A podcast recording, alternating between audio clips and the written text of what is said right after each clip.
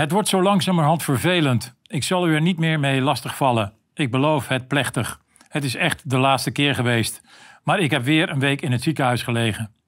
Twee weken na mijn darmoperatie kreeg ik een stekende pijn links in mijn buik en onderrug. Vijf dagen lag ik voor pampers aan een zoutoplossing en morfine.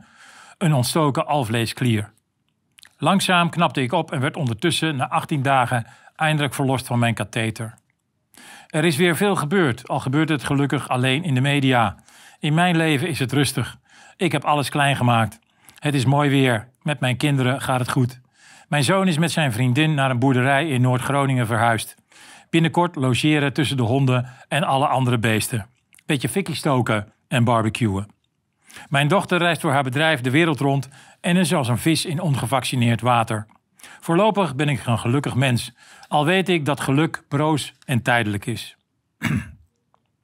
Ursula von der Leyen, gevolgd door Olaf Scholz, Emmanuel Macron en Mario Draghi, gingen weer naar Kiev om de Oekraïne, het meest corrupte land naast Nederland, zo snel mogelijk lid te maken van de Europese Unie. Ondertussen pleit Weffer Mark Rutte op 17 juni voor een permanente proxyoorlog van de NAVO tegen Rusland, in plaats van te pleiten voor een staakt het vuren en te gaan onderhandelen. Hij, hij overweegt de slogan samen tegen de Russen op de matrixborden boven de snelweg te projecteren. De Weffers interesseert het niet wat er met de gemiddelde Oekraïner of Europeaan gebeurt. De Weffers hebben, een, hebben andere belangen. Rusland dwarsboom die belangen en moet worden uitgeschakeld. Daarom zijn een week later de Oekraïne en Moldavië kandidaatlid van de EU. Weffer Rutte heeft het over een belangrijke dag. Een historische dag vond hij te ver gaan. Het zijn natuurlijk loze beloftes, schijnperspectief voor deze corrupte staten. Eigenlijk passen ze perfect bij de Europese Unie. De WEF-agenda moet kosten wat kost worden uitgerold en zo moet de dominantie van het Westen op politiek, militair en financieel gebied met alle geweld in stand worden gehouden. Amerika en de EU gaan alles op alles zetten om de westerse macht van de elites te behouden, iedereen vaccineren en controleren en de landen die tegenwerken sanctioneren. Het wordt weer grimmend, het wordt weer grimmig dit najaar. De weffers voeren een doodstrijd. De unipolaire wereld, geleid door het Westen, staat op instorten. Alle opgerechte regels met betrekking tot handel en internationale betrekkingen zijn al eeuwen in het voordeel van westerse bedrijven en elites. Dit staat onder grote druk.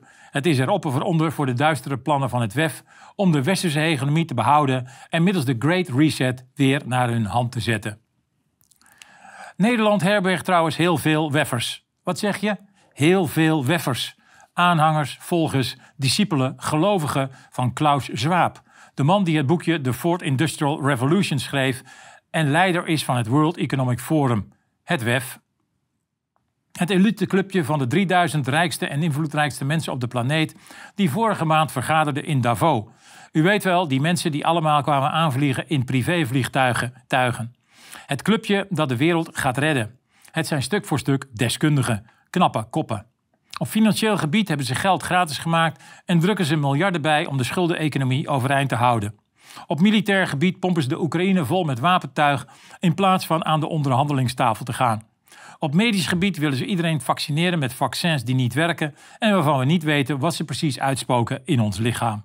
Straks komt er vast een vaccin tegen de bijwerkingen van het vaccin. Het zijn natuurlijk helemaal geen deskundigen, maar loyalisten aan het WEF die bereid zijn te liegen. Hoe meer ze liegen, hoe belangrijker ze worden.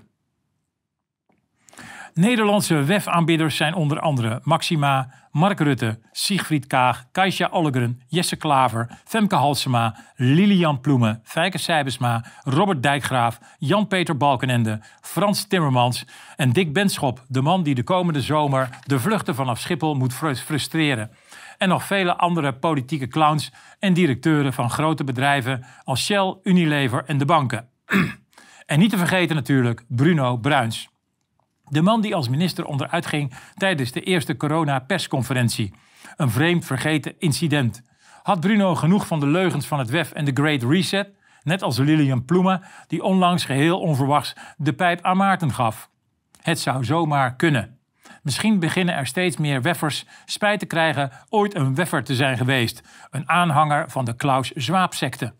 Of heeft hij ze nog iets anders te bieden? De toekomst gaat het uitwijzen. Uw columnist heeft het boekje van Klaus natuurlijk gelezen. Ik raad iedereen aan om dit ook te doen. Dan weet je met wie je te maken hebt. Persoonlijk vind ik het een flutboekje. Maar vrijwel alle, met name westerse wereldleiders, zijn ervan in de ban. Ze zijn erdoor gebiologeerd, spreken inmiddels allemaal dezelfde Klaus Zwaaptaal als Build Back Better. Ze hangen aan zijn lippen. Maxima, Rutte, Kaag, de top van, van ons en het internationale bedrijfsleven en de banken. Best vreemd als je deze man wat nader bekijkt. Je vraagt je af, hoe kan dat toch? Mijn ome Cor zou zeggen, hoe is toch mogelijk? Het is de man met de uitstraling van een enge dokter of tandarts. Toen ik Klaus Zwaap voor het eerst zag op een video, moest ik denken aan de film Marathon Man van John Schlesinger uit 1976 met Dustin Hoffman in de hoofdrol. Die als student Babe ziet hoe zijn broer Doc wordt vermoord. In de film is Doc de nazi-dokter Christian Zell, gespeeld door Lawrence Oliver, op het spoor. Aan die nazi-dokter deed Klaus Schwab mij denken toen ik hem voor het eerst zag spreken in zijn science fiction pak. In slecht Duits-Engels sprak hij over The fusion of the physical, digital and biological identity of mankind. Hij wil mensen chippen en injecteren met vaccins. Hij wil dat we niets bezitten en gelukkig zijn. Prachtige kletspraat van een enge man die op de tandarts uit Marathon Man lijkt. Van deze man zijn onze politieke en zakelijke wereldleiders dus hotel de botel. Alleen onze minister-president Rutte niet. Hij zei op 15 juli 2021 tegen Gideon van Meijeren nog nooit van het WEF en het boekje COVID-19 The Great Reset van Klaus Schwab gehoord hebben. Ik ken het boek niet, eh, meneer de voorzitter, zei Rutte met zijn linkerhand achterloos in zijn broek, broekzak. Mijn eerste vraag aan de minister-president wordt direct beantwoord met een leugen, antwoordt Gideon. Hij heeft een brief in zijn hand van 26 november 2020. Het is een brief van Mark Rutte aan Klaus Zwaap, waarin hij de heer Zwaap bedankt voor het toezenden van zijn boek. Rutte noemt het zelfs een hoopvolle analyse voor een betere toekomst. Bekijk het fragment en de stuitende leugens van Rutte er zelf nog maar even op na. Het is onze minister-president die daar voor de zoveelste keer staat te liegen. Hij lijdt aan chronische selectieve Alzheimer, ook wel het Pinocchio-syndroom genoemd. Volgens Ab Oosterhuis kan je er tegen worden ingeënt. Die Klaus Schwab dus, de man met de uitstraling van een duistere tandarts, heeft onze leiders in zijn ban. Ze zijn geobsedeerd door hem, gehypnotiseerd lijkt het wel. Op foto's hangen ze aan zijn lippen. De grote Klaus weet waar het heen moet met de wereld. Die moet gereset worden naar Klausiaans model. Aan en uitgezet worden zoals een computer die is vastgelopen. Veel mensen denken dat het nep is, een zogenaamd complot. Daar zit precies de valstrik. Het is zo idioot wat onze Klaus vertelt dat veel mensen het niet geloven. Maar helaas, het is allemaal echt waar. De plannen van Klaus worden op dit moment uitgerold. De Nederlandse weffers zijn mede verantwoordelijk voor dit afbraakbeleid. Zij zijn de uitvoerders van de Great Reset die in volle, in volle gang is. We zien het om ons heen gebeuren. Vaccineren, lockdowns, de zogenaamde stikstofcrisis, verstoring van aanvoerlijnen, creëren van chaos en zelfs een oorlog in de Oekraïne om de absurde plannen van Klaus erdoor te duwen. Klaus en zijn kompanen, de triljonairs op de wereld, hebben het namelijk niet zo goed met u en mij voor als u denkt. Klaus heeft hele enge ideeën die hij verkoopt en verpakt in mooie praatjes. Klaus is natuurlijk niet de baas. Klaus is de zetbaas. De echte kwalijke krachten blijven nog steeds in de schaduw. Het zijn de rijke bankiers en investeringsbanken, de mensen die de wereld eigenlijk bezitten. De 1% allerrijkste, de BlackRocks en de Vanguards. Zoekt u het zelf maar even op. Maar wie is deze Klaus eigenlijk? Wat is er over hem bekend? Waarom lopen zoveel leiders gebiologeerd achter deze enge man aan? Klaus is een soort secteleider voor de e- elites van deze aardbol. De crème de la crème, zoals de Nederlandse media het wefclubje onlangs omschreef. Ach, de media, ze doen er niet meer toe. Ze zijn instrumenten van de macht geworden. Alles is schimmig rond het verleden van Klaus Zwaap. Hij is in 1938 geboren in Ravensburg, Duitsland. De vader van Klaus is Eugène Wilhelm Schwab, geboren in 1899 in Karlsruhe. Over zijn moeder is onduidelijkheid. Er is een bron die zegt dat zij Erika Epprecht is, de dochter van Friedrich Epprecht, een bankier uit Zurich. Een andere bron zegt dat dit onjuist is en dat zijn echte moeder de Joodse vrouw Emma Gisela Tekelius was, die kort na zijn geboorte in december 1938 naar de Verenigde Staten is geëmigreerd. Erika Epprecht werd daarna zijn echte moeder. Over wie nu zijn biologische moeder is, heeft Klaus nog nooit een woord gezegd. In geen enkele biografie of interview komt zijn moeder ter sprake. Vreemd, je eigen moeder uit je leven wissen, de vrouw die jou het leven schonk. Eert uw vader en uw moeder. Voor Klaus geldt dit niet. Wellicht loopt hij hiervoor al zijn hele leven bij een psychiater. Wie zal het zeggen? De vader van Klaus, Eugène Swaap, was ten tijde van de geboorte van Klaus in 1938 directeur van Escher, Wies Co. Het bedrijf, gevestigd in Ravensburg, stamt uit 1805 en ontwikkelde zich op het gebied van de engineering en de productie van hoogwaardige materialen op het gebied van gasturbines, compressoren, warmtepompen, thermische en hydro-elektrische energie. Uit Amerikaanse archieven blijkt dat Escher Weiss turbines, compressoren en propellers voor natieschepen en onderzeeërs bouwde, net als vlammenwerpers voor het Duitse leger. In 1929 ging het bedrijf samenwerken met de Duitse overheid om zogenaamd zwaar water te ontwikkelen, sleutelonderdeel voor de productie van nucleaire toepassingen. In 1937 is Escher Wies uitgeroepen tot modelbedrijf door Adolf Hitler. Tijdens de oorlog maakte het bedrijf gebruik van slavenarbeid, geallieerde krijgsgevangenen, Joden, Russen en Zigeuners. Ravenburg was ook de hub waar het gestolen goud van de Joden vanuit Duitsland naar Zwitserland werd getransporteerd. Zwitserland zogenaamd neutraal, maar ondertussen collaboreren met de nazi's. Volgens uw columnist is het land de controlekamer van de globalisten. Het grote geld en het duistere goud is er grondig verstopt in banken van Basel, Zurich, Bern en Genève. Of het juist is wat ik hier verkondig over het verleden van Klaus, is niet met zekerheid te zeggen. Het is misschien nog wel veel erger. Eind jaren 60 speelde het bedrijf Schulzer Esser Weiss Klaus toen Klaus in het bestuur zat een sleutelrol in de ontwikkeling van illegale kernwapenprogramma van Zuid-Afrika tijdens de donkerste jaren van het apartheidsregime. Een apart verhaal, maar dan wordt deze column weer veel te lang. Alles uit het verleden van Klaus is eigenlijk duister, verborgen in de schaduw.